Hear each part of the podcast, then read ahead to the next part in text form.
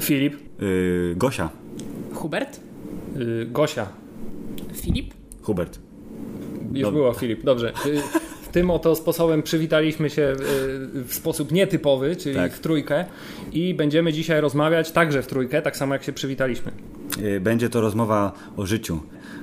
No tak, myślę, że o życiu i o kinie trochę. Tak? Dobrze, nie, będzie nawet, ja już wiem jaki jest tytuł podcastu tego odcinka. Jest O życie i o kiniu. O życie, o, o życie i o kiniu. o życie i o kiniu. W nawiasie featuring Gosia Kuzdra. Gosia Kuzdra, która jest naszą, tak się teraz mówi, jest naszą gościnią. Gosia widziała więcej wnętrz kin niż my widzieliśmy filmów, Hubert, prawdopodobnie. Ym, y, więc tak, ten wywiad będzie taki chaotyczny, y, może nawet bardziej niż zwykle, bo my się z Gosią znamy już chwilę, więc będziemy mogli sobie na przykład y, mówić, że a daj spokój, co ty gadasz w ogóle, głupoty jakieś. Jeśli, jeśli przez chwilę masz na myśli naście lat, tak by, by wychodziło już, nie? Takie naście Ale konkretne. naście lat to jest chwila, nie?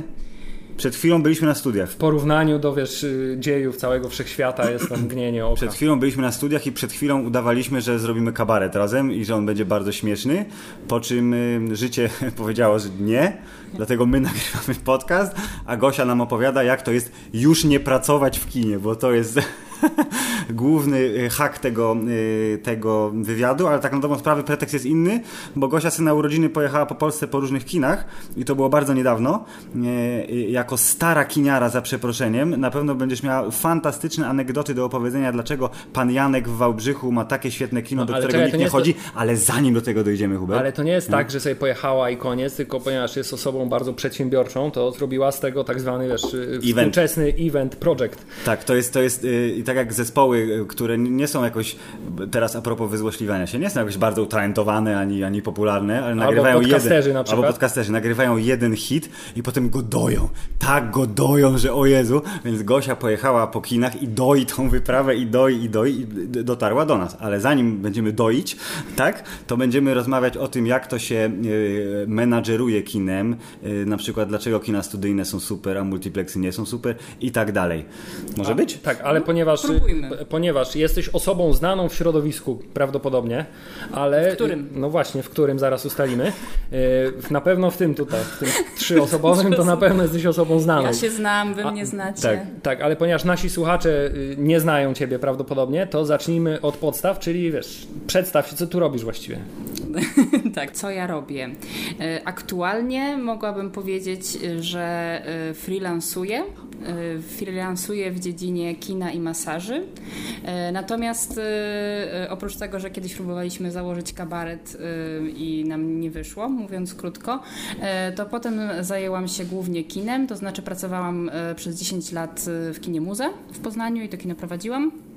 E, A następnie e, zajęłam się dystrybucją filmową, Em, a następnie, to było dwa lata temu, e, można powiedzieć, że rzuciłam biurko i zaczęłam właśnie robić różne rzeczy. O, o radykalnej, że tak powiem, zmianie zawodu też porozmawiamy prawdopodobnie za chwilę. Natomiast ja bym chciał zacząć, ponieważ dużo tutaj się przewija y, razy słowo kino, to od razu z grubej rury pytanie, czy ty jesteś filmowym snobem w takim razie? A, e, wiesz co, no myślę, że e, myślę, że z do- dozą dużą pewności można powiedzieć, że byłam na pewno. E, Trochę pytanie, co to znaczy, nie? To, to snobowanie, to znaczy mówienie, że kino arthouse'owe jest super, a te mainstreamowe, y, duże produkcje, różne Marvele, które na pewno wy wolicie, jest nie O, i to, super. to, to już jest element snobowania, Właśnie. mówiąc, że wolicie, rozumiesz? Nie, no bo trochę się znamy, trochę widzę to na waszych facebookach, no i na przykład e, no, e, no, to jest też coś, co nigdy na przykład mnie nie urzekło, więc jakby czuję, że nie mam, wiecie, dostępu do końca do tego, żeby się na przykład ja, jarać Marvelami. E, ale jarałam się filmami rumuńskimi o tym, że kapie woda i patrzymy na ten kadr przez e, 15 minut. To się szczerze jarałam. E, no i to był jakby ważny element tego, żeby e, programować muzę jako właśnie kino arthouse'owe. E, No i długo tu nie chciałam do Was przyjść, bo właśnie. Bo co, bo my jesteśmy siedliskiem imperialistycznej Nie. popkultury, A ty jesteś taka się... biedna, nie, mała i arthouse'owa. Bo właśnie y, obawiałam się tego, że wy po prostu widzieliście wszystko, co jakby generuje y, y, świat kina, w sensie w takiej bardzo szerokiej skali, a ja miałam ten moment w życiu właśnie jeszcze pracy w muzie, kiedy oglądałam te 150-200 filmów rocznie, ale one jednak były z tego sektora festiwalowo jakiegoś powiedzmy europejsko E, niszowego, czy jakiegoś takiego raczej. E, więc myślałam, przyjdę i będziecie mi tutaj rzucać mięsem i zaginać mnie co krok, że nie wiem kto jest kto. Natomiast e, no, więc tak, więc oglądałam bardzo arthouse'owo, bardzo nowohoryzontowo, a w pewnym momencie mm, mogę powiedzieć, że jakkolwiek to obrazi tych, co ciągle oglądają, to jakby miałam takie, mam takie poczucie, że trochę z tego wyrosłam, Yy, a, sensie... czyli to jest jak pisanie wierszy w liceum, że jaka to ja jestem natchniona, a potem to czytasz i mówisz, Boże, dlaczego? Wezmę sobie, kupię mroza i sobie przeczytam, jak ktoś kogoś zabija Ale tam. co, czytałeś moje wiersze z liceum? Nie, ciągle są fantastyczne. Czytał swoje, a one wszystkie są jednakowe.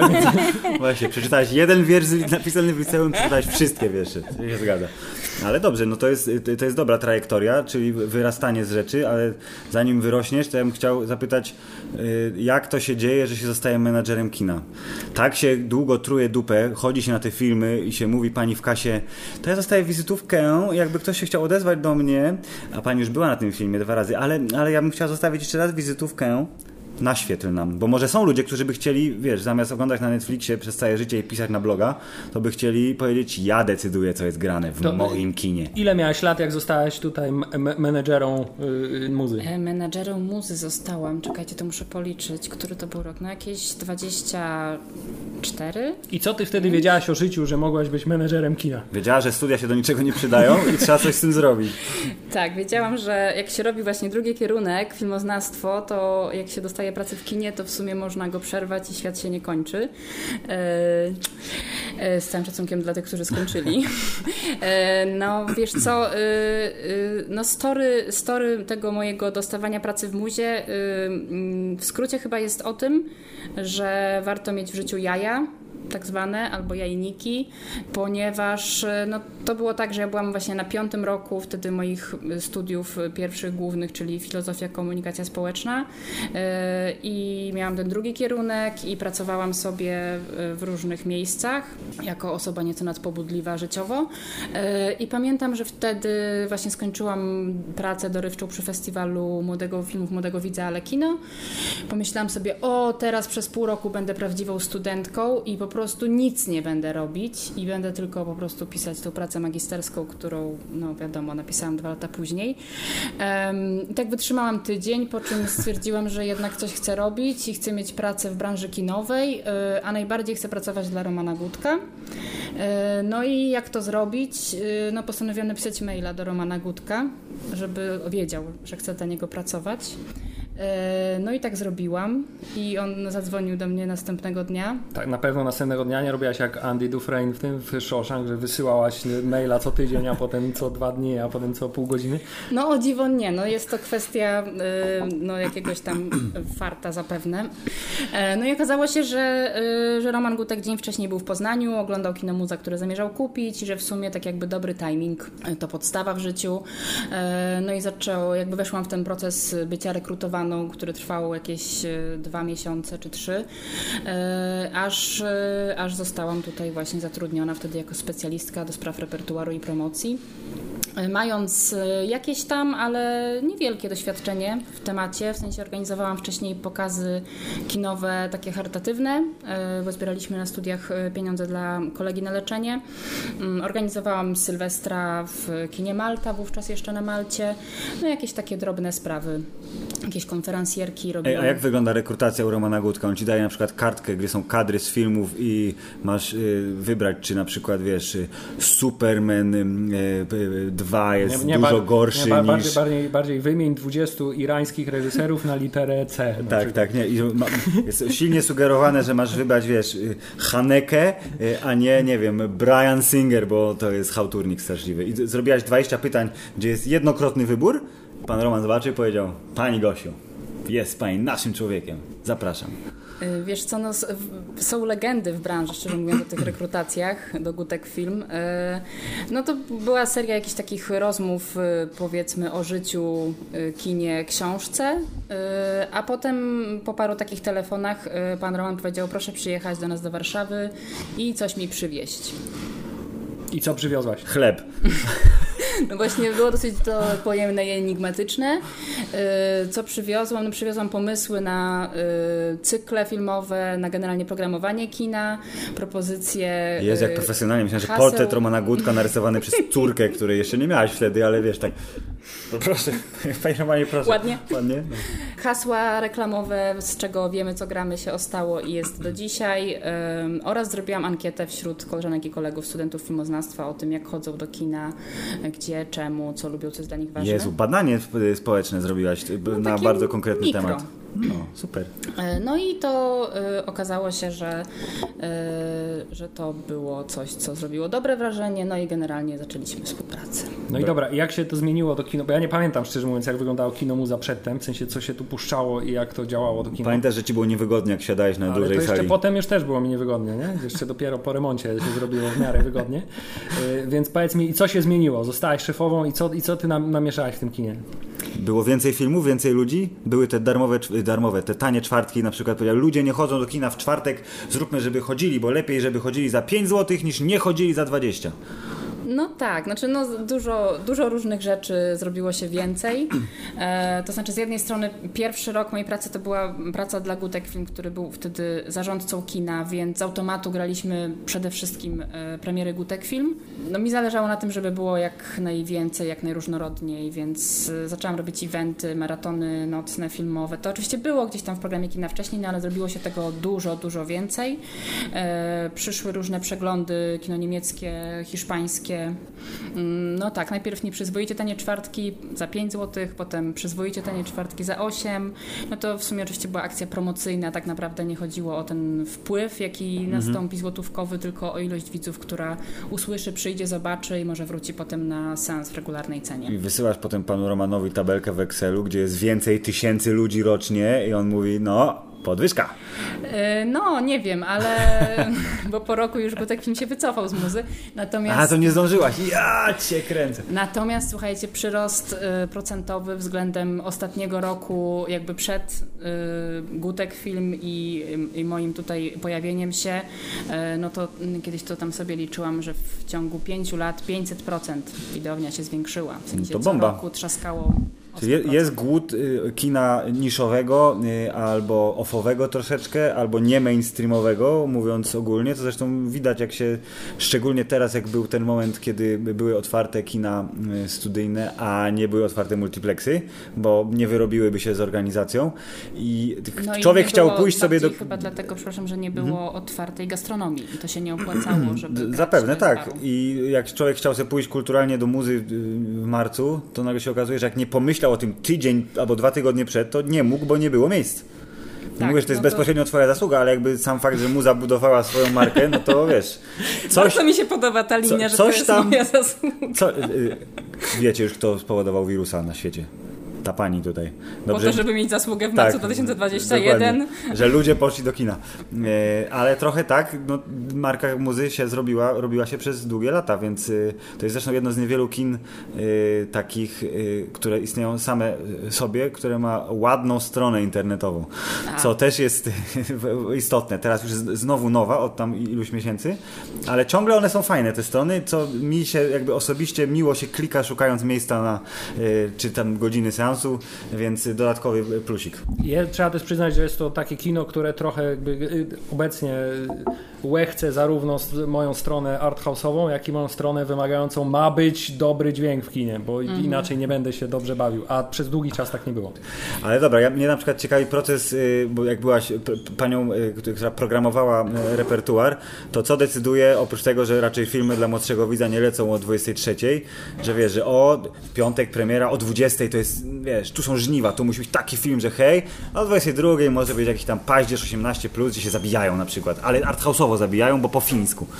Rozumiesz? Rozumiesz. To ja- jakby jaka jest taka ta procedura, że no nie może ten film być tu, bo ja wiem, że nie może. Rozumiesz? Bo, nie, bo ludzie nie przyjdą na przykład. Z jednej strony można powiedzieć, że, y, że programowanie takiego kina jak muza y, no miało takie powiedzmy znamiona kuratorskie, y, czyli że mogłam y, w jakimś stopniu kierować się trochę swoim gustem i tym, co, w który film wierzę, że zadziała, y, czego się spodziewałam też po reakcjach widzów, jak już ich znałam.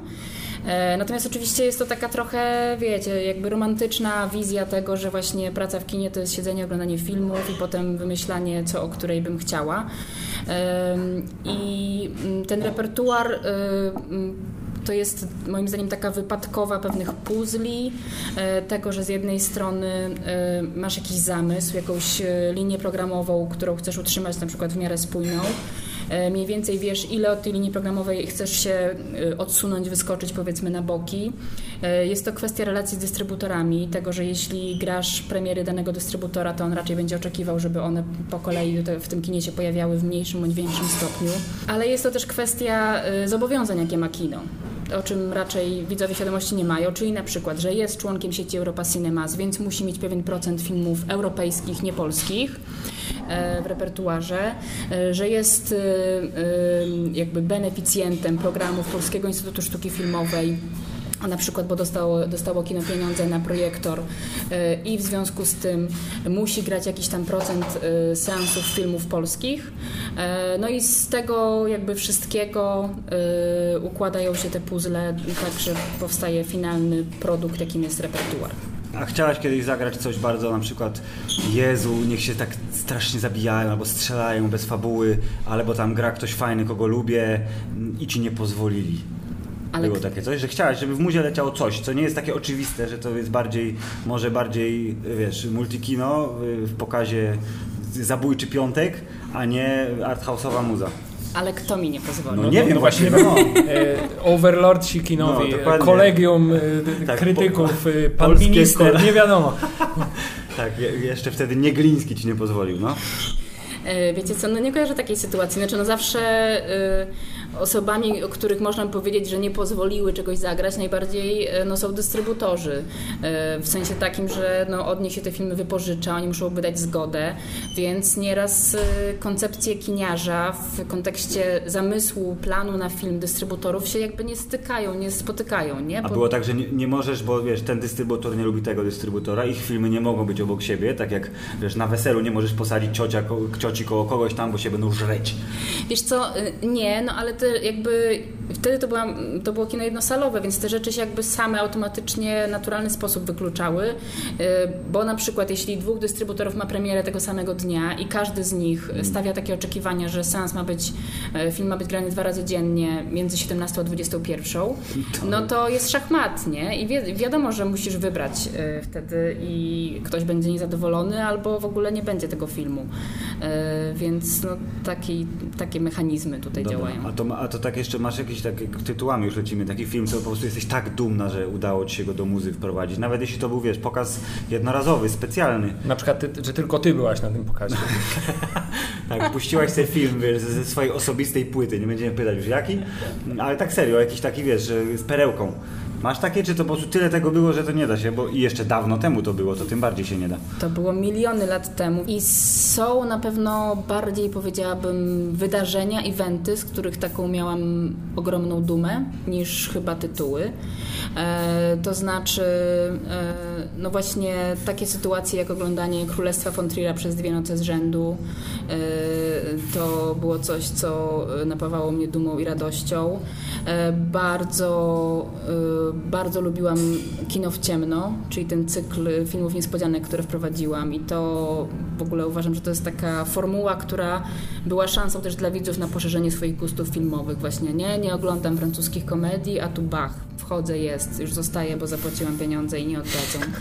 No. E, No, e, jednym z takich e, najfajniejszych wydarzeń to jest Kino Dynamo, czyli to, kiedy podłączyliśmy rowery pod, pod ekranem do projektora i widzowie musieli pedałować, żeby wyprodukować prąd, żeby seans się odbywał, czyli taki, dla mnie to było już taka, takie apogeum tego, co próbowałam robić, czyli tego włączania widzów w interakcję z kinem, w to, żeby byli uczestnikami tej sytuacji, nie tylko jakby pasywnymi odbiorcami.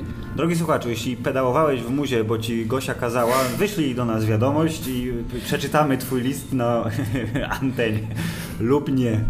Dobrze, no super ekstra, a ja chciałem jeszcze, to jest w sumie trochę wątek y, pewnie cinemapowy, czyli tej twojej podróży, y, bo te kina, które odwiedzałaś, to one są, y, oprócz tego, że też raczej małe, to spektrum jest dosyć szerokie tej filmowej liryki. Ale jak to jest, że te kopie kiedyś tu się woziło po mieście w czasie seansu? To jest taka A, legenda, taka albo, legenda. albo nie legenda, nie? że jest jedna kopia filmu X na cały Poznań i wszystkie kina studyjne, czyli tych kin w Poznaniu wtedy było więcej? Nie, chyba ciągle są te same. Rialto, Apollo, Muza, Zamkowe, yy, Malta i muszą zagrać ten film jednego dnia, więc pan Tomek albo ktoś inny zasuwa rowerem, rozumiesz, przez korek gdzieś tam w mieście, żeby dowieść taśmę numer jeden, która właśnie w muzie się skończyła, żeby dowieść ją do Rialto, żeby zaczęli film o tam 16.30. Powiedz, tak było. Tak było. E, bo rozumiem, że już wyjaśniłeś o co chodzi, czy raczej trzeba wyjaśnić bardziej? Bardziej wyjaśnić, bardziej. bardziej. No to e, tak, no to się nazywa pendlowanie od pendulum, czyli wahadła e, i to jest taka sytuacja, która widzisz łączy się z opowieścią o Cinemapie, czyli tej trasie jeżdżenia mojej po kinach, bo okazało się, że bardzo duży sentyment mają kiniarze i pracownicy kin do właśnie tej starej sytuacji pendlowania, przerzucania kopii pomiędzy kinami i w ogóle taka jakby silna romantyzacja taśmy filmowe i wręcz fetyszyzacja, powiedziałabym, Tak, zachodzi. czyli jak, jak winyle i taśmy magnetofonowe teraz. Tak, że jakby to analogowe wszystko gdzieś tam nas chyba bardzo, bardzo rusza. Yy, no i w, tej, w tym pędlowaniu chodziło o, tym, o to, tak jak mniej więcej powiedziałeś, czyli mamy taśmę filmową 35 mm, gdzie jeden film to jest 4-5 rolek, mhm. jedna rolka około 20 minut y, i to spakowane w karton, który waży 20-30 kg, jest wysyłane przez dystrybutora po to, żeby w piątek kino w dniu premiery ten film mogło sobie odtwarzać. E, no a ponieważ produkcja takiej taśmy była ogromnie e, kosztowna, a kina, jak wiadomo, mogły generować mniejszy bądź większy zysk, nie wiadomo. E, nie były to też jakieś złote czasy te 15-20 lat temu dla kina w Polsce, no to sytuacja wyglądała tak, że właśnie na przykład Poznań zamawiał taką kopię, dostawał ją i załóżmy to były trzy kina na spółkę.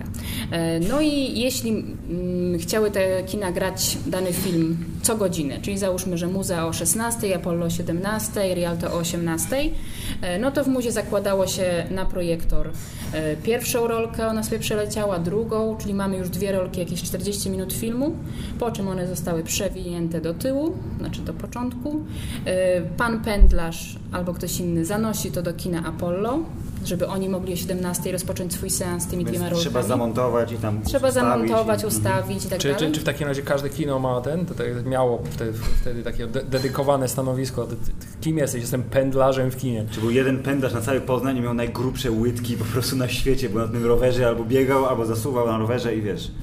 Wiesz co, było, było kilku pendlarzy, y, no właśnie były to takie no takie, takie osoby łączące powiedzmy kina w pewnym sensie. E, i tak najczęściej na rowerze zasuwali w plecaku ten film e, w różnych nieraz potem sytuacjach się znajdowały te taśmy filmowe. I tak jeździli, krążyli, no z tego też wynikała słynna chyba najczęściej w kinie Malta sytuacja, że oglądamy film i nagle robi się ciemno, zapala się światło na sali i czekamy na kolejną rolkę 10 minut, bo coś się po drodze wysypało. Są też historie związane związane z tym, że na przykład podobno kiedyś jeden z pendlarzy, e, no coś, nie wiem, wydarzyło się z rowerem czy samochodem, woził e, filmy tramwajem, nie miał biletu, e, no i wiózł jakąś dziwną paczkę, więc skończył razem z tą kopią filmową na komisariacie, no bo nie było pewne, co tam się właściwie w tym kartonie dzieje. I bardzo ciekawe jest że to brzmi teraz tak jako właśnie taka fajna, czy jakaś romantyczny no. charakter tutaj tak. jest opowieści, a tymczasem gdybym tak, miał sobie muzyka siebie... z gramofonu taka stara leci i taki śmieszny pan w meloniku Ale wiesz, i że to jest takie wszystko piękne i urocze i to jest właśnie ta magia kin studyjnych, ale szczerze mówiąc, jak ja bym był w tej sytuacji tego widza w tym kinie Malta albo w kinie Muza i by mi się film wyłączył tak. i 20 minut bym musiał tam siedzieć i czekać, to, to ja bym się czuł tak zirytowany, no. że... Ty jesteś jakimś nerwowym człowiekiem. Ja wiem, ale z czego właśnie wynika to, że takie sytuacje to są potem takie rzeczy, rzeczy, które się bardzo, że tak powiem, miło wspomina i mówię, o kiedyś to tu kina to były właśnie takie, że można było poczuć tę tkankę kino, kina, a teraz to wszystko teraz jest zmechanizowane, Zobaczysz, zautomatyzowane. Nie, za, za 20 lat będzie taki pan y, operator mówił, pamiętam jak ściągałem z satelity cyfrową kopię 4K nowego filmu, wiesz, Ryana Johnsona, o Boże, dzisiaj, a wy to dzisiaj macie laserem do mózgu projektory, wiesz, Ale właśnie pytanie, czy to, jest, czy, to jest, czy to jest taka, ty, ty, takie podejście, to jest taka czysta nostalgia, na zasadzie by, kiedyś byłem młodszy, więc wszystko było lepsze. Czy I nie pamiętam też jakby Dokładnie. tych cieni tej Czy sytuacji. jednak jest za tym coś więcej się kryje? Wiesz co, no to są y, różne opinie. Z jednej strony to może być czysta nostalgia, y, jakby osoby, że tak powiem, radykalne w swoim y, kinofilstwie mogą powiedzieć, że film powinien być na tej taśmie i to jest ta wzorowa sytuacja y, dla filmu. Y, no i ja myślę, że jest to, jest to przede wszystkim nostalgiczne, y, jest to no właśnie urocze do posłuchania, ale też takie, że jeśli pamiętam praktykę życia codziennego związaną z pracy, jakby grania z taśmy, no to myślę sobie, że jest to trochę zabawne, że wtedy, no właśnie była to ciężka praca fizyczna, żeby targać te 10-kilogramowe y, kartony, y, jechać z tym na dworzec PKP, bo trzeba było na przykład wysłać tę kopię nocą pociągiem do następnego miasta, mhm. które grało od następnego dnia rano. Tu się nie dało nic przyspieszyć i trochę wszyscy byli tym umęczeni tak naprawdę, nie? A kiedy przyszło, mm, przyszła digitalizacja i teraz mamy to właśnie zgrywanie z dysków na serwer, włączanie play albo ściąganie jakimiś tutaj właśnie e, transferami, e, no to trochę e, nie mamy jakby czym się zauroczyć i wspominamy z sentymentem tam, tamte sytuacje. No. Za, zauroczmy się jakością cyfrowej projekcji, czystością dźwięku, który jest no nie tylko z jednego lubi, kanału, ale z, na przykład z siedmiu. Tak, nieważne, że masz 15 głośników, jak masz film z rytej kopii, to i tak będzie jeden grał. No, no, ale chyba właśnie no to już jest kwestia y, chyba gustu, nie? W jakimś stopniu, tak mi się wydaje. A, y, a co też ciekawe, no to właśnie y, też ci kinooperatorzy, z którymi rozmawiałam po drodze, jadąc teraz w lipcu przez Polskę, mówili często tacy no, starsi panowie, którzy mają kilkadziesiąt lat y, doświadczenia w zawodzie, mm, że no wie pani, no jak była ta taśma i ten e, stary projektor, no to coś tu się zepsuło, ja tu otwierałem, ja tu wszystko potrafiłem zrobić, części się wymieniło, coś się zrobiło, no a teraz trzaśnie ten sprzęt, no to jedyne co mogę zrobić, zadzwonić po serwis i jest jakby krótka piłka. Nie? Dobrze, to zanim y, wrócimy, a w zasadzie przejdziemy do podróży, to niezbędny jest przystanek przy dystrybucji, bo ty tak mówiłaś, że no, dystrybutor nie pozwala czasem albo coś tam, to mówię, a po 10 latach to ja będę w dystrybucji, ja będę mówić kinom, co mogą, a czego nie mogą. Co tak było? To była taka trochę zemsta. Bynajmniej. No to, y, czy jako, y, wiesz, zapalona, odnosząca sukcesy menadżerka, to też poszłaś potem do, jeśli dobrze pamiętam, M2 Films, Y, z chwilowym przystankiem przy ej, będę sama sobie robiła dystrybucję y, i powiedziałaś ja to robiłam muzę, patrzcie 500% jest y, zysku widowni, proszę mnie zatrudniać natychmiast. Wiesz co, no, trochę to jest tak, że ta propozycja przyszła sama i przyszła w dobrym momencie i chyba to, co mnie urzekło w opcji tej pracy w dystrybucji tak na pełen etat, było, była taka wizja, że sobie poszerzę skalę. Nie? Że pracuję w jednym kinie i to jedno kino programuje. pod opieką dużo. Potem koordynowałam na przykład tam, nie wiem, Europejski Dzień Kina Artystycznego na 50 kin, a że teraz to po prostu będę miała wpływ na to, że ten film kupujemy na Polskę i jakby decydujemy trochę o tym, opakowujemy go, nie? W trailer, plakat, komunikację, mówimy o czym on ma być. No i próbujemy dotrzeć do jak największej ilości kin, żeby w jak najlepszej dla filmu konfiguracji on był zagrany i się pojawił jak najszerzej. E, więc to było takie wyzwanie, które, które mnie pociągało bo wcześniej, tak jak e, tutaj e, wrzuciłeś, e, popełniałam takie samodzielne projekty dystrybucyjne, gdzieś ten temat mnie interesował. No w pewnym sensie też, tak jak powiedziałeś, to jest takie przejście trochę na drugą stronę mocy, nie? Z kiniarstwa do dystrybutorstwa, mm. ale... Ale to nadal jest dziesiąta muza, więc wszyscy jesteśmy jedną wielką rodziną. Prawda. Ale super, bo w dystrybucji to jest dużo wątków, ja bym teraz tak chciał tak pięć pytań na raz Ale zadać. to czekaj, ale to najpierw zacznijmy od pierwszego pytania, to znaczy i co? Jak już przeszłaś do tej dystrybucji, To wspominałeś, jak mówiłaś, ej, co ci dystrybutorzy, co oni wymyślają, co oni mają za wymagania, a potem coś, a ci kiniarze to oni tak marudzą, że to o tej godzinie im nie pasuje, a że tego dnia nie ma. I tak było? Ja jestem bardzo pozytywną osobą. Więc mówię, spoko, panie Tomku, załatwi się, nie ma problemu.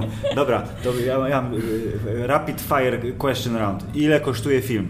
U, panie, ale w sensie kogo? No, widełki, wiesz, jedziesz do, nie wiem, dokądś tam i mówisz, bierzemy to. Filip, to nie są tanie rzeczy, Ja one wiem, muszą. To kosztować. nie, są, to nie są tanie. Ja nie chcę kupić filmu, znaczy wiem, mogę sobie kupić, bo widziałem w, w Empiku promocja jest, ale to chyba nie mogę go dystrybuować potem. E, Wiesz co, no to mogę Ci na przykład, no nie, nie mogę mówić o sprawach e, takich tutaj e, firmowych e, tej byłej firmy, dla której pracowałam. Zresztą nie ja te filmy kupowałam, tylko był dyrektor e, Oczywiście. bardziej generalny, który je kupował. Ba- Bardziej generalnie. Bardziej generalnie. Tak na wizytówce? W sensie, że ja byłam dyrektorką działu Generalnie i bardziej generalnie. E, Natomiast e, mogę jako przykład powiedzieć, że e, po tym jak popełniłam swoją pierwszą dystrybucję, czyli film Blue Highway w 2014 roku, e, potem sobie myślałam, tak, tak, tak, będę dystrybutorką, sprzedam mieszkanie, wszystko sprzedam e, i pojechałam pierwszy raz na festiwal do Cannes e, i tam zauroczył mnie film znowu amerykański Niezal, który jak zapytałam o cenę bezpośrednio po festiwalu, to kosztował 50 tysięcy dolarów, a po pięciu miesiącach negocjacji kosztował 3. To ładnie zeszło. Myślę, że to bardziej kwestia czasu Okej, niż na braku zainteresowania na- innych dystrybutorów Na niż moich festiwalu jest zdolności. drogo, na pewno to tak się mówi, zresztą są te informacje Ma- z... Ma- Marcin Pinkowski opowiadał tak, bardzo nasz intensywnie dobry, o nasz dobry kolega z Nowych Horyzontów. A. I, i, No. i, i, tak, I taką sobie wybudowaliśmy taką wizję, że oni tam właśnie siedzą przy, w kawiarniach, przy tych stolikach, za, stolikach zadymionych, przy cygarach, przy Tak, whisky, koniaku i mówią, dokładnie, mówią- dam ci 45, nie, nie, stary, Nie, dzisiaj bo 65. 10% więcej, bo człowieku, muszę wyżywić moje Rottweilery, które są bardzo rasowe. Czyli też lubicie poromantyzować. Oczywiście, że E, Wiecie co, to znaczy powiem Wam, że w tej, e, wtedy, w tej, w tej mojej e, podróży do Cannes i wtedy udział w festiwalu, ale też właśnie w film markecie, naprawdę wtedy zrozumiałam chyba dopiero e, ile jest filmów na świecie, Których połowa ludzi nie zobaczy których nigdy. nikt nie zobaczy. No. Jaka potężna jest nadprodukcja i to, że właśnie ja z moim małym karnecikiem e, wybieram sobie filmy, które chcę zobaczyć, bo myślę, że może warto, bo pewnie będą w dystrybucji, będę grać je w kinie, albo takie, które o, e, brzmi to dobrze, może bym chciała potem spróbować to właśnie kupić za złotówki albo dora- dolary, albo euro. E, I przychodzę na taki pokaz w małej salce, pobocznym budynku na 10 rano. Jestem, jest tam załóżmy agent sprzedaży, e, być może twórca, jestem ja i są jeszcze trzy osoby. I myślę sobie, że ci ludzie zapłacili jakieś ogromne pieniądze, Żeby żeby, w tym markecie w Mhm. ogóle się pojawić. To jest ich szansa na ekspozycję tego filmu, na zdobycie tych międzynarodowych partnerów i dystrybutorów w różnych krajach.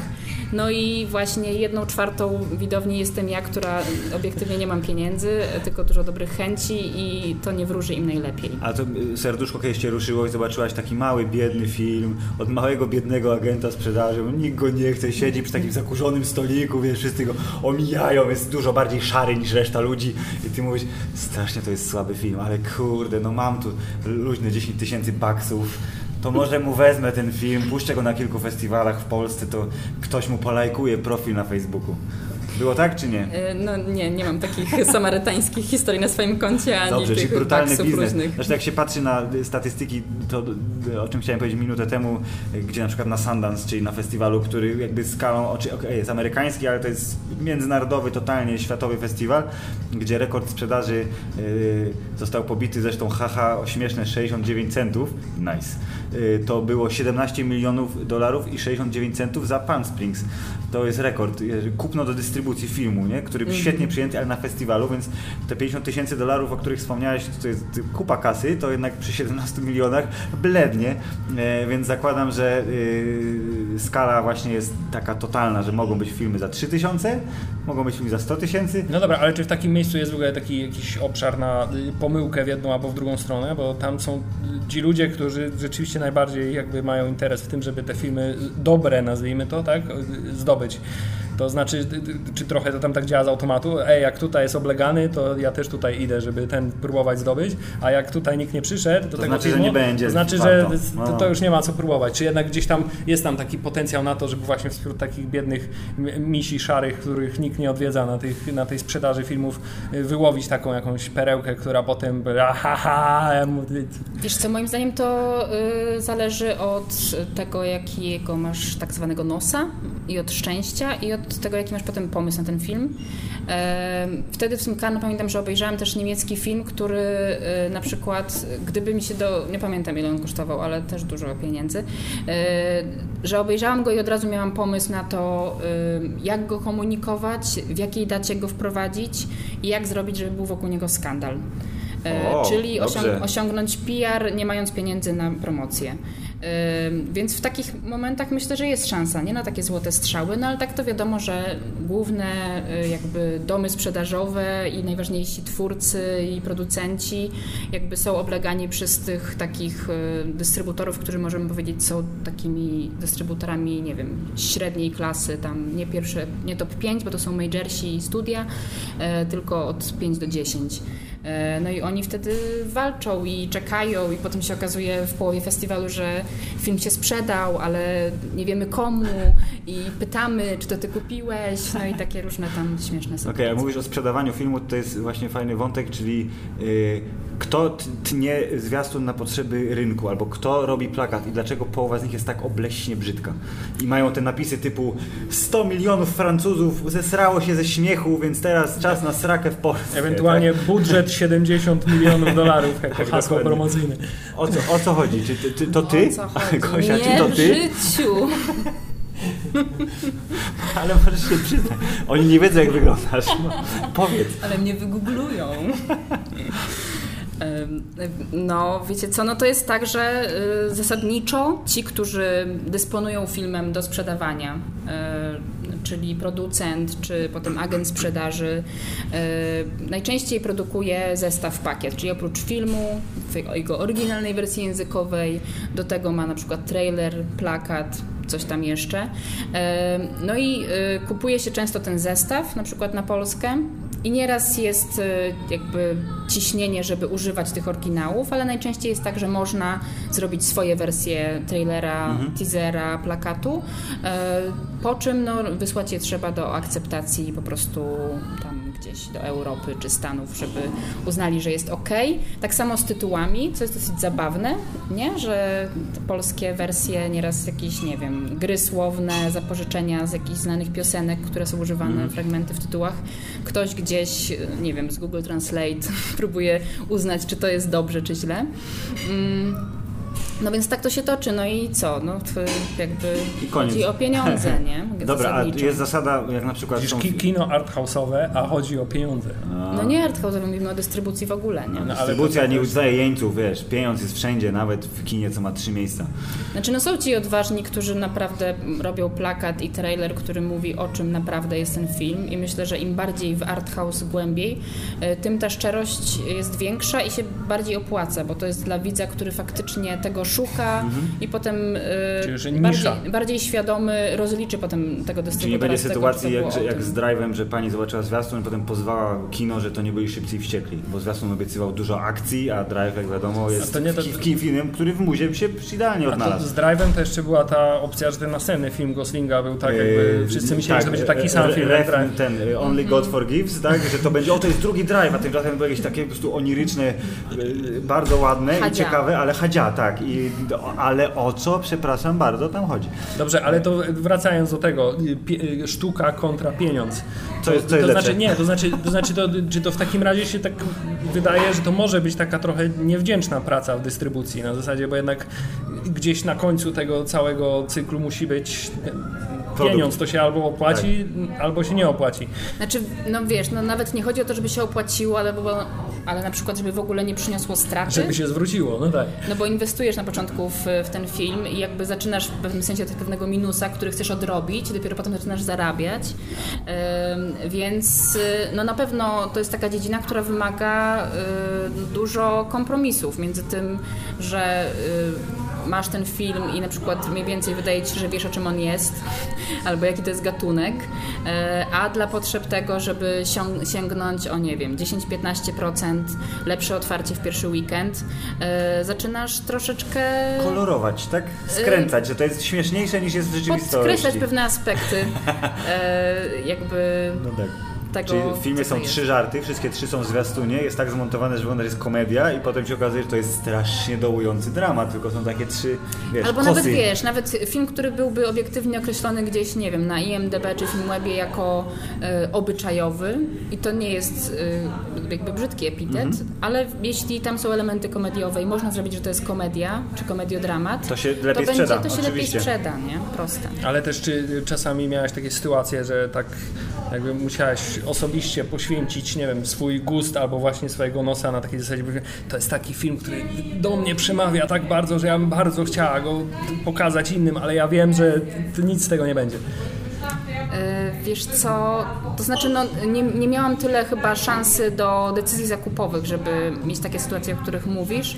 No takie bardziej wewnętrzne rozdarcie, że film mi się bardzo podoba i jest super, ale wiem, że teraz trzeba poszukać mu takiego pudełka i takiej kokardki, e, żeby gdzieś sięgnął e, trochę, trochę szerzej. Już, jesteś, już jesteśmy, Gosia, prawie przy twojej podróży. Już, już prawie. Ale Super. jest jeszcze jeden przystanek. Ten przystanek to Wenecja. Wenecja i bycie jurorką. Dobrze pamiętasz Wenecja czy inny jakiś A, festiwal? nie, Berlinale dwa razy i Locarno. No to patrz, to Wenecja. To, to jest taki, to, Wenecja taki... to jest taki konstrukt, rozumiesz? To Berlinale i Locarno i to było w czasie bycia kiniarą, czy w czasie bycia dystrybutorą? To w czasie bycia kiniarą. Y, to jest taka sytuacja, że ponieważ kino y, było częścią y, międzynarodowych sieci kinowych, arthouse'owych, czyli Sika i Europa Cinemas, to te właśnie sieci miały swoje reprezentacje jurorskie na festiwalach właśnie w Berlinie, Locarno, czy Cannes, czy jeszcze paru innych w Europie. No i tam można było doznać tego właśnie zaszczytu, że się było jurorem tego, tego jury e, kiniarskiego, powiedzmy, mhm. E, ludzi z różnych krajów, z różnych kin e, i wtedy no, bardzo przyjemny obowiązek, że trzeba było tam być cały festiwal, oglądać te oglądać filmy, te wszystkie filmy. Uważać trzeba było, żeby no. nic nie przegapić. O matko, żeby nie usnąć, no. nie? E, Chociaż to, to, to, też by był pewnego rodzaju jakby werdykt, nie? nie usnęłam, to już jest plus jeden nie? do końcowej oceny. Bardzo nie, dobrze. to akurat dla mnie jest pewna trudność, wam powiem, że ja y, y, no, rano wstaję, późno się kładę, więc, y, więc tak, jak zamknięta jestem w ciemnej sali, to jest dla mnie du duży, duży kłopot, żeby nie spać, ale to na przykład doprowadziło do tego, że rozwinęłam różne techniki, co robić, żeby nie spać w kinie. Mogę polecić tutaj wszystkim. Proszę bardzo. Że najlepsza jest taka, żeby iść na seans na przykład z dużą butelką wody, i wtedy po prostu bierzesz trochę wody do ust i jej nie połykasz. Bo jak zaśniesz, to ci wyleci Bo po jak prostu zaśniesz, dziobem, tak? to po prostu się oplujesz. Znaczy jak siedzisz w... tak, przepraszam, ale... Dobre. Jakiś poziom samokontroli trzeba utrzymać, Oczywiście. żeby się nie opluć. No. Albo Bardzo na przykład można nie chodzić na nudne filmy. Też można, no, no ale, ale na festiwalu jesteś, się nie da jesteś jury i masz program i musisz dziabnąć tam tych filmów 20 czy 30 i okazuje się, że na 22.30 ci tylko sens pasuje, no to nie ma zmiłu. To nie? można też jak w rejsie, zreferuj kolego. Ja co prawda nie, nie oglądałem, ale zreferuj. No dobra, czy to była taka bardzo fajna przygoda, yy, czy na przykład coś, co mo mogłabyś chcieć powtórzyć, ale teraz to już wiesz, tylko w Cannes, jako, jako jurorka. Mówisz, przepraszam, ja byłam, ja byłam w jury w Locarno 10 lat temu, to może Państwo by mnie tu ten, bo ja słyszałam, że... E, wiesz co, nie no, to była super przygoda i jakby tylko ktoś, że tak powiem, chciał znowu, żebym była członkinią z jakiegoś powodu, a jeszcze by mi zapłacił hotel i lot, no to lecę. No dobrze, to a propos przygód dobrze, i, czyli, czyli i płacenia za rzeczy. Ale to, to czekaj, to czyli generalnie robiłaś w tym kinach, w tych kinach, w tym filmowym biznesie prawie wszystko i uznałaś, że dobra, starczy, teraz robię przerwę i będę masować ludziom twarze. Nie, to się mówi, rzuć wszystko, wyjedź w Bieszczady. Nie, to tak wyjechałaś w Bieszczady. Wyjechałam mentalnie w Bieszczady, tak. No dobrze, to dla, no ale zostałaś w tym kinie jednak, nie? Trochę. No, to są takie, uciec. wiesz, to są takie trudne, trudne kwestie, trudne, trudne pytania, bo ja szczerze mówiąc mam takie poczucie, że generalizując, y, to tutaj ludzkość, społeczeństwo by chciała, żeby właśnie powiedzieć, to kto ty teraz jesteś? Jesteś kiniara, dystrybutorka czy masażystka? i że trzeba jakby jeden tylko, jedno okienko zaznaczyć.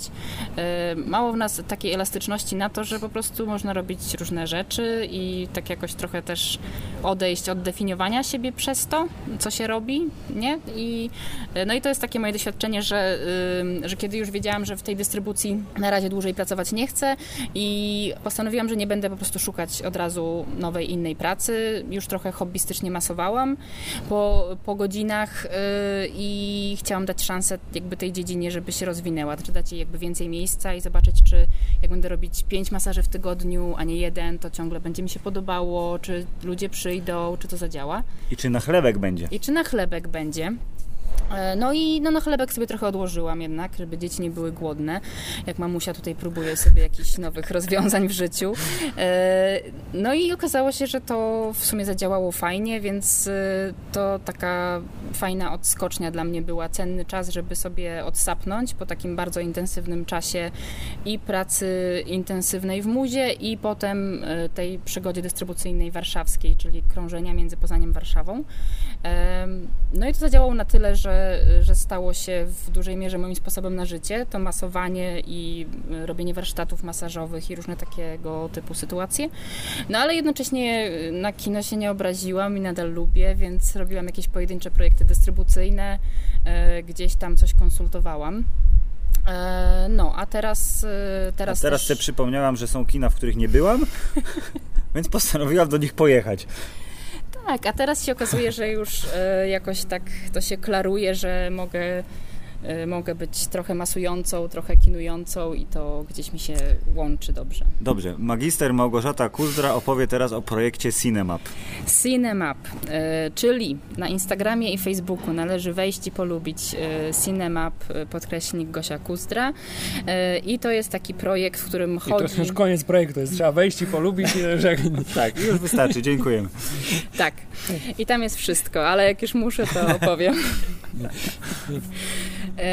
To jest taki projekt, y, w którym chodzi o to, że byłam w wielu kinach w Polsce i na świecie i pewnego dnia to zrozumiałam, że mam w głowie mapę kin, że mapę Polski widzę trochę jako mapę kin, a może szerzej też. E, I też e, chodziło o to, że e, miałam taki niedosyt jakiejś przygody, podróży w tych tutaj takich lockdownowych czasach i pomyślałam sobie, że byłoby super właśnie odwiedzić dużo kin w krótkim czasie, zrobić z tego taki trochę sposób na swoje wakacje, może, a może coś więcej. Oprócz mojego fanu miałam nadzieję, że to też może mieć dobre skutki uboczne e, w postaci promocji tych kin, jakby prezentacji ich dostrzeżenia, no bo właśnie wyjechałam sobie z Poznania i pojechałam na południe e, w lipcu e, po to, żeby te kina odwiedzać, ale też poznawać ludzi, którzy tam pracują, opisywać to na Instagramie, Facebooku, prezentować te miejsca. Dobrze, y, wymień gdzie ty, gdzie, ty, gdzie ty byłaś? W kolejności alfabetycznej. Nie no, mogę w chronologicznej. Wyjechałam 14 lipca z Poznania i byłam najpierw w kinie Centrum Kultury Muza w Lubinie, potem w kinie Forum w Bolesławcu, potem byłam w Piaście w Legnicy, w Apollo w Wałbrzychu. E, spontanicznie wskoczyłam do kino Teatru Zdrowie w Sokołowsku, następnie w kinie Meduza w Opolu, a stamtąd pojechałam już chyba do Katowic, czyli byłam najpierw w Romie w Zabrzu, e, potem w katowickich kinach, czyli Światowid, e, Kinoteatr Rialto i Kosmos, e, w kinie Amok w Gliwicach, w kinie KAD w Dąbrowie Górniczej, potem zapuściłam się bardziej na południe, czyli kino Janosik w Żywcu, potem OKF Iluzja w Częstochowie, a skończyłam swoje urodziny w kinie Żeglarz w Jastarni. Czyli patrz jednak pani... Ty, ale to daleko, to się jakaś tam była proca tam w tym Zakopanem? Czy gdzie ty tam byłaś? To się tak... Dwa tysiące kilometrów po polskich drogach, z czego jestem wielce dumna, że i ja i auto to... Ja chciałem powiedzieć, że gdyby, gdyby to był, gdybyś teraz to była anegdota taka, która nikogo nie bawi, to byś powiedziała, a skończyłam w sali numer 7 w Multikinie 51 oglądając Planetę Singli 3. No czemuż by nie? Może śmieszne, nie widziałem akurat, ale Planeta Single 1 była Jeden zas- była czadowa. nie najgorsza. No i dobrze, i taka wizyta w kinie, czy miałeś dla, dla każdego takiego kina jakiś przewidziany scenariusz? Na zasadzie teraz muszę wejść, muszę obfotografować hall, a następnie muszę zadać pani w kasie pytanie, jak się A pracuje. ty w ogóle anonsowałaś się, czy to było tak, wiesz, z partyzanta? Nie no, anonsowałam się, no bo właśnie chciałam porozmawiać z ludźmi, trochę trasę dostosowywałam też do planów urlopowych niektórych, żeby tam ktoś jednak w tym kinie był, albo niektóre kina zamknięte, albo jedno kino, do którego nie udało mi się dojechać, bo było całe wakacje zamknięte, czyli kino Patria w Rudzie Śląskiej. E, także się anonsowałam ym, i koncepcja była wstępna taka, że jedno kino to jeden dzień i potem jadę dalej, e, ale potem troszeczkę się wessałam, że tak powiem, w uroki tej sytuacji, no i zrobiło się gęściej, czyli nieraz y, e, dwa kina dziennie, także w sumie 15 kin w 11 dni. No plan był taki, że przychodzę, witam się, y, robię właśnie dużo zdjęć, rozmawiam, e, jeśli jest, no to kierownik kina, czy osoba programująca, E, Jeśli jest, e, że tak powiem, tak wola i otwartość, to z resztą załogi kinowej. E, Jeśli mam czas, to oglądam w tym filmie też sobie, w tym kinie film, żeby zobaczyć jak to jest. To znaczy, że nie we wszystkich miałaś ten okazję obejrzeć coś? No niestety nie, nie było to fizycznie możliwe. Obejrzałam sześć filmów w sześciu kinach przez te 11 dni. To teraz szybko, jakie filmy i który wygrał? No weź. No nie, ale to chociaż jeden. No ja co tam widziałaś? Jakieś świeżaki, czy to były wszystkie takie, wiesz, Nie, o, no pana były- Kleksa były- mamy na taśmie filmowej, o, puszczaj pan. Były świeżaki. e, Bardzo mi się podobał film Niepamięć, który oglądałam w Piaście w Legnicy. E, To taki o pandemii. A to jak to się nazywa, to się nie pamięta. To pandemia jak się nazywa? COVID-19. Pandemia tej choroby, że się nie pamięta. Amnezji. Pam- taka pandemia to widzisz. amnezji. To nie, to nie pamięć, to rozmawiasz z ludźmi, dla których film nie pamięć, to ten z Tomem Cruzem.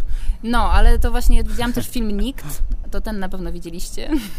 Nikt, w sensie y, Bob Odenkirk i y, dużo y, parz, naparzania w gęby. Dużo naparzania i to na przykład właśnie pokazuje, że ja nie wiedziałam, co to jest za film, ale zobaczyłam, że o... Czyli poszerzyłaś swoje horyzonty. Tak, w Apollo, w Wałbrzychu właśnie o 20 to grają, więc na No, jeśli Filmwebie... są jednak kina studyjne, gdzie puszczają Porządne filmy. porządne filmy, a nie jakieś Więc na Filmwebie było powyżej 7, stwierdziłam, no to właśnie przyjdę i sobie obejrzę, bo bardzo mi się podobały fotele w tym kinie i chciałam tam spędzić O, to, to seans. dobry pretekst. To dobrze, nie powiesz nam, który film wygrał, a które kino wygrało. No to też jest szalenie trudne pytanie. To czekaj, no. to może w takim razie inaczej. To może y, twoim fachowym okiem, jak y, wygląda y, kondycja kin studyjnych w Polsce? O panie. E, No moim fachowym okiem, e, albo niefachowym, e, no wiecie, no jest, e, trochę jest trudna sytuacja, e, bo, bo kina jakby doświadczone tymi lockdownami, zamykaniem, otwieraniem, e, są w takim trochę jakby zaczynały od zera w pewnym sensie, to znaczy wydaje się, że największą potrzebą i marzeniem y, kiniarzy teraz i kin jest to, żeby po prostu, żeby grać, nie? Czyli taka bardzo podstawowa sprawa. E, Czyli żeby tych zamknięć nie było. Mówią, niech to będzie 25%, ale żeby była ciągłość, bo trudno się komunikowało to widzom, czy te kina są teraz otwarte, czy zamknięte i widzowie trochę za tym nie nadążali, nie? Czy można, czy nie można. Takie jest wrażenie. Mm. Więc no, chcą grać i chcą, żeby, były, żeby, były, żeby było jak najwięcej widzów. E, Bardzo to jest ciekawe, jak e, w niektórych miejscach ta perspektywa, skala się zmieniła przez lata. Na przykład we wspomnianym e, Wałbrzychu. Przez chwilę byłam pierwsza, jedyna na tym seansie Nikt, filmu Nikt. Ktoś przed w trakcie? Nie no, potem jeszcze ktoś doszedł, więc było nas parę osób, ale mm, w związku z tym spytałam, od ilu osób gracie? I oni powiedzieli, no teraz od jednej, ale pani, która to kino prowadzi, pamięta czasy sprzed lat dwudziestu paru, e, kiedy grali od 15 widzów. O ja, ale to jestem 14 widzem i teraz 20 lat temu, nie? I chcę obejrzeć film, a nie mogę. A tak w Koszalinie też chyba bywało, że y, Adria czy Kryterium nie grały. Odnoszę wrażenie, że kiedyś nawet odbiliśmy się od jakiegoś filmu w Adrii. Bo, byliśmy tylko tak. my i chcieliśmy pójść, i nie, ale nie, nie ma widzów. Tak, tylko że zob- zobaczcie skalę. Nie, no ja pamiętam, kiedy w Poznaniu się grało od 4-5 widzów. Mhm. E, czyli jakoś, e, no gdzieś tam się próbowało jakąś rentowność policzyć tej sytuacji. Potem bardziej e, takim wizerunkowym, e, wizerunkową decyzją jest, żeby grać od tego jednego widza, żeby nigdy widz nie był rozczarowany, bo to się zbilansuje przy innym sensie na 70 osób, ale e, ta skala, że takim progiem e, tego, że w ogóle chciało się komuś ten projektor odpalać, było 15 widzów, 15 sprzedanych biletów, pokazuje jakby Mhm, jak jak to się czasy, zmieniło, tak. nie? Teraz jest jeden. O, to, tak, to. Teraz jest jeden, no ale generalnie są to, y, no właśnie, są to miejsca, które są po remontach często, w sensie, że jest, są scyfryzowane w większości, jest moim zdaniem dobra jakość dźwięku. Y, nie wiem, co wy byście powiedzieli. Y, tak, jesteśmy zupełnie jakby w takiej nowoczesności, jeśli chodzi o, nie wiem, bilety online, to wszystko, to, to nie jest tak, że, y, że romantyzujemy i właśnie jesteśmy gdzieś w jakiejś innej epoce, w tych małych kinach, nawet w małych miejscowościach. Mm. Natomiast y, y, jest też tak, że często ciekawe w tych mniejszych miejscowościach dla mnie jest to, że jeśli to jest kino, które mm, jakby jest jedynym kinem w skali jednego czy dwóch powiatów, e, to jest bardzo świadome tego, że mm, ma taką odpowiedzialność na sobie, e, często jest prowadzone przez jakąś instytucję kultury, że ma zaspokajać właśnie różne potrzeby widzów i w sumie ten repertuar musi być dosyć różnorodny. Często to kino Czyli jakby muszą też lecieć filmy, które ludzie zobaczą reklamy w telewizji tak, będą chcieli dokładnie pójść. tak, albo y, gdzieś jakby po latach doświadczenia ci kiniarze wiedzą, że na przykład właśnie y, grupa odbiorców zainteresowanych czymś, co jest w ogóle powiedzmy europejskie, a już w ogóle jakieś bardziej arthouse'owe, jest konkretnie taka i że wystarcza y, im seans DKF-u raz w tygodniu, y, który jakby sprawi, że ten seans będzie pełny, na przykład to będzie 400 osób, pełna duża sala, y, ale w ten sposób właśnie jeden seans wystarczy, żeby się te potrzeby y, na inne kino zaspokoiły. A to jest tak, że oni wtedy mogą puścić.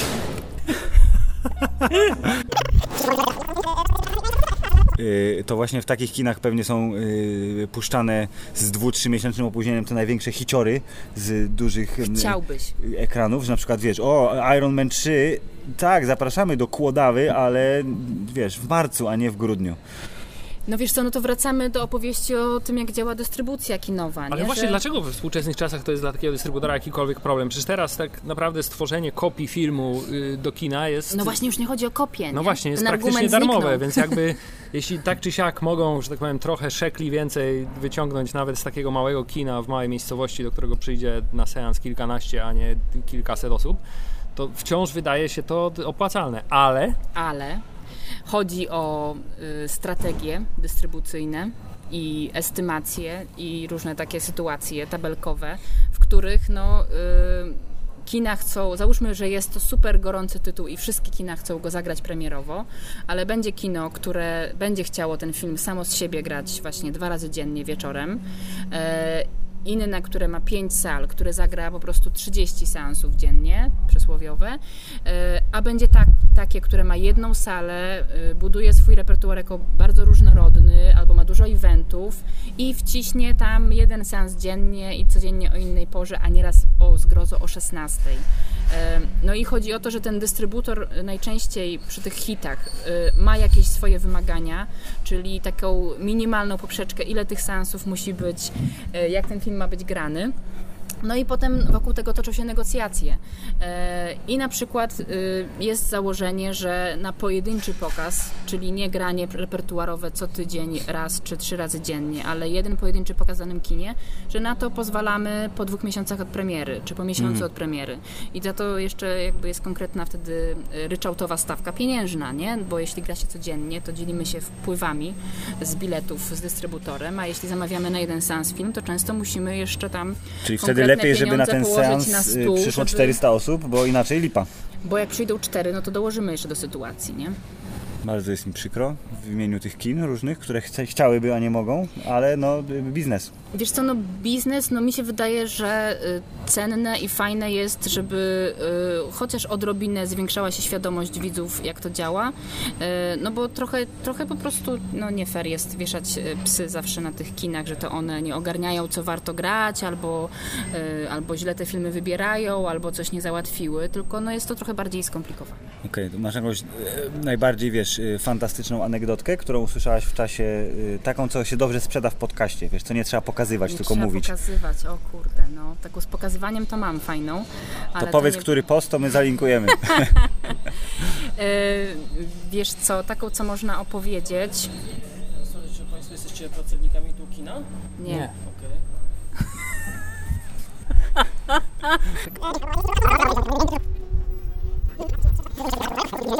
Znaczy tak, mam takie ulubione anegdoty y, wynikające ze spotkań z ludźmi, nawet nie kiniarzami wręcz. Taka anegdota na przykład y, miała taka sytuacja fajna miejsce właśnie w kinie Roma w Zabrzu, gdzie postanowiłam y, obejrzeć film również i oprócz mnie na sali tego najstarszego na Śląsku kina z 1912 roku była jeszcze jedna pani. Seans się trochę nie zaczynał, więc zaczęłyśmy rozmawiać. Spytałam panią, czy tu bywa i tak dalej. Pani opowiedziała mi, że przyprowadzała tutaj swoje dzieci na ich pierwsze wizyty w kinie, a myślę, że dzieci przynajmniej w moim wieku. I że bywa bardzo często, że wie, że to nie jest dobrze dla kina, ale najczęściej bywa sama na tych seansach i bardzo to lubi, więc trochę miałam takie poczucie, że jestem intruzem na jej prywatnym seansie. Aha.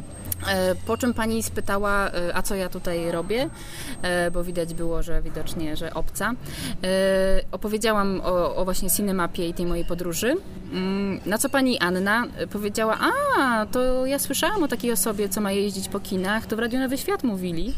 E, I to taka piękna pętla tego, że miesiąc wcześniej e, u Tomka Raczka e, właśnie opowiadałam o swoich zamiarach i że jedna z nie wiem ilu osób, które to słuchały ze zrozumieniem, właśnie to ją spotkałam i obejrzałam z nią potem film w Zabrzu. Jaki? Święta, święta i po świętach. Ameryka Południowa, smutny taki. Nie wiem, nie wiem, nie wiem, nie wiem. No, nie szkodzi. No, druga anegdota fajna była, jak byłam w Wałbrzychu i pracownicy kina Apollo opowiadali mi też o kinach, które już nie istnieją, e, z dużym zapałem i także to takie były piękne, duże obiekty, gdzie były fantastyczne premiery z Wajdą i tak dalej, i tak dalej. E, Stwierdziłam, że te budynki też chcę zobaczyć. Więc po tym Wałbrzychu sobie pojeździłam w kółko. Swoją drogą e, bardzo ciekawe, że jakby reklamy w, ra, w radio wałbrzyskim to głównie tam było o tym, że trzykrotny morderca jest poszukiwany i jest za niego nagroda 50 tysięcy złotych. A potem spałam w takim miejscu, gdzie spodziewałam się, że on może tam się ukrywa i jest za ścianą. A to powiedziałeś, Jezu, 50 tysięcy, idealnie. A drugie to, że nowy zakład pogrzebowy o nazwie Niebieski został właśnie otwarty i polecają. Wciąż, To wciąż, tak- wciąż brzmi to lepiej niż e, reklamy z antyradia, gdzie 90% taka jest krem na upławy. Na przykład. Tak, i potem reklama trwa 10 sekund, a 30 sekund trwa ten disclaimer, taki, co pan jest przyspieszony 7 razy i mówi, nie stosować, jeżeli tylko ma równika, to będzie podmiot odpowiedzialny, blablabla.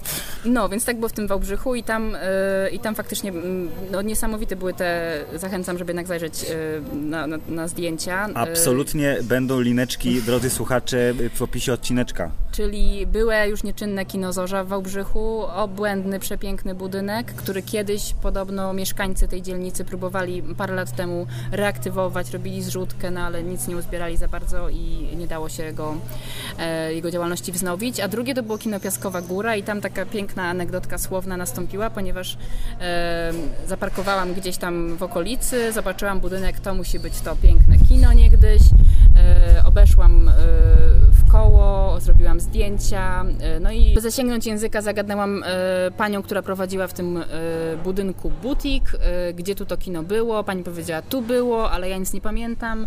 Pani idzie do Rybnego. E, No i okazało się, że był to, e, że chodziło o sklep wędkarski. No i w tym wędkarskim faktycznie pan pamiętał, e, pan pamiętał działalność kina, a też co ciekawe w kolejce za mną starszy pan włączył się do rozmowy, opowiedział mi o jeszcze dwóch innych kinach, które już nie działają. No i to były takie, wiecie, takie właśnie opowieści z pierwszej ręki, gdzie pan mówił, a tam jeszcze było na Staszica kino i tam, ale to wie pani, to taka mordownia. Ja na co znaczy mordownia? No, wie pani. kolesia. Wie pani, ja mówię, no nie wiem, no to, no tam wie pani, tylko faceci tam chodzili. Mówię, no to po co chodzili? No tam krzesełka niewygodnie, a tam się po prostu szło się pić, oglądać filmy i pić. Mówię, aha, no dobra, no podjechałam pod tą kamienicę, no nie było już tam śladów mordowni. E, Ale no dużo takich właśnie ciekawych spotkań też, e, że tak powiem, z mieszkańcami miasta, widzami e, było i to są takie moje ulubione historie. A poza tym, no to dowiedziałam się właśnie też sporo o tych osobach prowadzących kina, które mniej znałam. Czy co też ciekawe, nieraz oni odkrywali jakieś rzeczy o swoich kinach, jakby przy okazji tego, że pojawiła się ta dziwna osoba z zewnątrz, która przychodzi i pyta. I to jakby mam takie poczucie, że to właśnie są takie, no też jedne z cenniejszych elementów tej podróży i tego projektu. Czyli na przykład w Kinoteatrze Rialto w Katowicach. E, bardzo, bardzo fajny, serdeczny kinooperator, który pozwolił mi wejść na dach, na strych, gdzieś tam, gdzieś tam. No i w tej e, kinooperatorni spędziłam trochę czasu, e, przepytując go, co tu jeszcze mi opowie i co tu jeszcze się może ukrywać. I wyjął z szafki takie pudełko ze, mm, ze slajdami, jak się okazało, takie slajdy reklamowe z lat 60., 70. Niektóre o filmach, niektóre na zasadzie myj ręce albo albo y, tutaj dobre noclegi dla górników. No i to przeglądaliśmy sobie, ja to wszystko fotografowałam. Ale po czym y, przyszła załoga kina i mówi, a co wy tu macie? Ja mówię, no co wy tu macie? I okazało się, że jakby, no nie wiem, nie wiedzieli albo zapomnieli, że to jest. E, teraz zaczęli skanować te, e, te slajdy i używać ich znowu na ekranie. No to takie pasujące, że tam mhm. zapraszamy na seans w kinie studyjnym czy coś tego typu. Wiecie, fajny design sprzed 50 lat. E, Jezu, to jest Ej, czyli, taka czyli dobra jesteś, wróżka kinowa. Czy jesteś, jesteś jak Magda Gessler, która no. zamiast naprawiać restaurację, to uruchamia kina, to, tak? To ciekawe, że tutaj zastosowałeś to porównanie, gdyż e, trochę Cinemap jest pokłosiem mojego innego pomysłu sprzed pięciu lat, który właśnie się miał nazywać Kinowe Rewolucje. Przyjeżdżasz do mojego kina i pomagasz mu stanąć na nogi? Albo wiesz, wysyłasz mu raport, co jest źle i jak zrobią, to zrobią. E, wiesz co, no to y, trochę tak. Y, wtedy prowadziłam warsztaty na temat event cinema y, dla właśnie kiniarzy z mniejszych ośrodków. E, na konferencji kin studyjnych lokalnych i to było jakby fajne wydarzenie. Wszyscy tam wystawili mi szóstki w ankietach, mhm. więc, więc, więc pozytywnie podzieliłam się swoim doświadczeniem, e, przepracowaliśmy jakieś case'iki, przykłady, ale wtedy jakby zobaczyłam bardzo wyraźnie, że że to nie tak powinno wyglądać, czyli nie tak, że te osoby, które pracują w kinie nieraz rok, dwa, trzy lata, przyjeżdżają na konferencje i ja z mojej poznańskiej perspektywy coś tam im opowiadam i proponuję, tylko że y, powinna, jakby powinien zespół ekspertów jechać do takiej miejscowości, popracować z całym zespołem y, i jakby działać w tych bardzo konkretnych, lokalnych uwarunkowaniach, w których to kino funkcjonuje. E, no i takie właśnie miały być kinowe rewolucje, no ale napisałam projekcik, e, nie dostałam dofinansowania, no i tak sobie leży to na półce. Może wróci kiedyś. A czy Cinema się jakoś jeszcze zadzieje w jakiejś formie, czy nie wiem, zrobisz z tego książkę? Jaka, jaka przyszłość projektu? No. Jaka Bo, po, pojechałaś i co, odhaczone? I co, zrobiłaś sobie wakacje i nara? No pojechałam, y, objechałam, opisałam, sfotografowałam wszystko, y, zebrałam trochę fajnych też y, prezentów, gadżetów, starych plakatów, takich skarbów, których, z których można by nawet może wystawę zrobić. No, bardzo mi się podobają podpowiedzi znajomych, pomysły na fotoksiążkę jako pokłosie tego projektu. Jeszcze zupełnie nie wiem, jak to się robi i za czyje pieniądze. A to ale... Google ma takie, nie? Zamów Zamawiasz fotoksiążkę. i jest gotowa. No. A bo tam w Rosmanie może chyba w tym automacie jak wyklikać i się... Podcast Hammer Title uczy bawi. bawi. Dobrze, to jakby co, to uderz To rozumiem, że wy mi złożycie tę fotoksiążkę w tak. egzemplarzach pięciu, bo takie będzie mniej więcej zapotrzebowanie nakładu. Nie, sześciu, bo my jedną chcemy. No teraz będę sobie dalej po kinach jeździć. E, w najbliższym czasie zamierzam opisać, odwiedzić i opisać kina poznańskie e, po kolei potem zrobić małą trasę po Wielkopolsce, jakąś kilkudniową, bo w sumie nie byłam w Jarocinie, czy we Wronkach, w Kinie, mhm. czy w Kaliszu, a należałoby. E, to myślę, że na zimowy czas to tak e, mała traska jak ulał będzie pasowała. Mm, no i co? No chciałabym zrobić nowy projekt, który był, będzie trochę rozszerzonym cinemapem, powiedzmy, czyli takimi dłuższymi wizytami w kinie właśnie z możliwością jakiegoś e, wsparcia, konsultacji czy mentoringu dla pracowników kin. No a oprócz tego e, od roku prowadzę też klub e, Moviegoers, czyli zabieram ludzi na filmy po angielsku albo z angielskimi napisami w Poznaniu, więc to też, to też to jest takie mapowanie trochę miasta z perspektywy kin, czyli chodzimy do różnych kin, zobaczyć gdzie one są, jakie są ich historie, obejrzeć filmy, podyskutować po angielsku. Więc to będę sobie nadal robić. Może jak się odważę, to nawet coś po hiszpańsku spróbuję. Tak. Ale tak, projekt jest y, y, płodny przyszłościowo i y, jeżeli ta marka mo- może przy naszym absolutnie mikroskopijnym udziale też będzie jakoś rozpoznawalna, czyli Cinemap, tak jak kino, tylko z P na końcu, Będzie link. będzie nie, link. nie Cine Apka, tylko Cine Mapa, o to chodzi. No, aha, tak.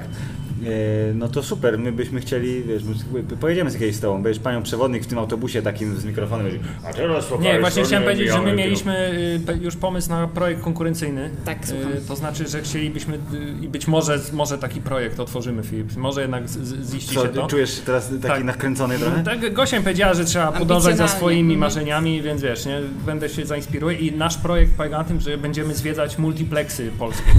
Super. I myślisz, że ma szansę powodzenia taki projekt? I wiesz co, ja myślę, że każda rzecz robiona po prostu z pasją i z taką szczerością względem siebie naprawdę może zadziałać. Więc z powodzenia. No jest też projekt, który nazywa się Kinobus, czyli właśnie ludzie jeżdżą autobusem i objeżdżają kina. Yy, I no, to jest jakaś opcja, a z innej strony, po, jak ostatnio yy, robiłam prezentację Cinemapa właśnie w Poznaniu, to potem opowiadałam dużo o kinoteatrze Rialto z Katowic, który jest takim, no wiecie, nie wiecie, magicznym, oldschoolowym, retro miejscem. Parę osób do mnie pisało, czy mogłabym zorganizować wycieczkę do Katowic, żeby to kino odwiedzić, więc o tym też myślę, że mm, czemuż by nie.